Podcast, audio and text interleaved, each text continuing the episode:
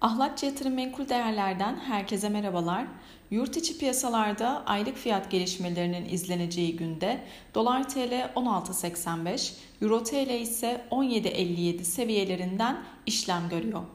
Euro bölgesinden PMI rakamlarının takip edileceği günde euro dolar paritesi ise 1,0433 seviyelerinden işlem görmekte.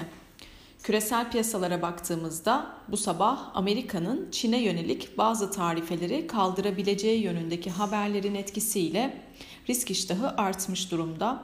Asya piyasaları çoğunlukla pozitifken ABD vadelileri artıda yine Avrupa endekslerinde de pozitif seyrin hakim olduğunu söyleyebiliriz.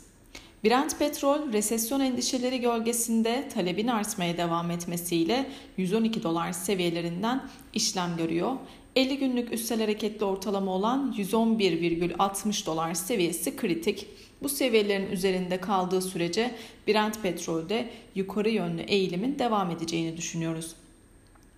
Tatil sebebiyle piyasa fiyatlamalarının daha durağan geçtiği günde dolar endeksi 104,80 ile 105,20 bandında hareket etti. İçeride yurt içi gelişmelere baktığımızda dün Haziran ayına ilişkin enflasyon rakamı açıklandı. Yıllık tüketici enflasyonu beklentilerin hafif altında %78,62'ye yükselirken aylık %4,95 olarak gerçekleşti.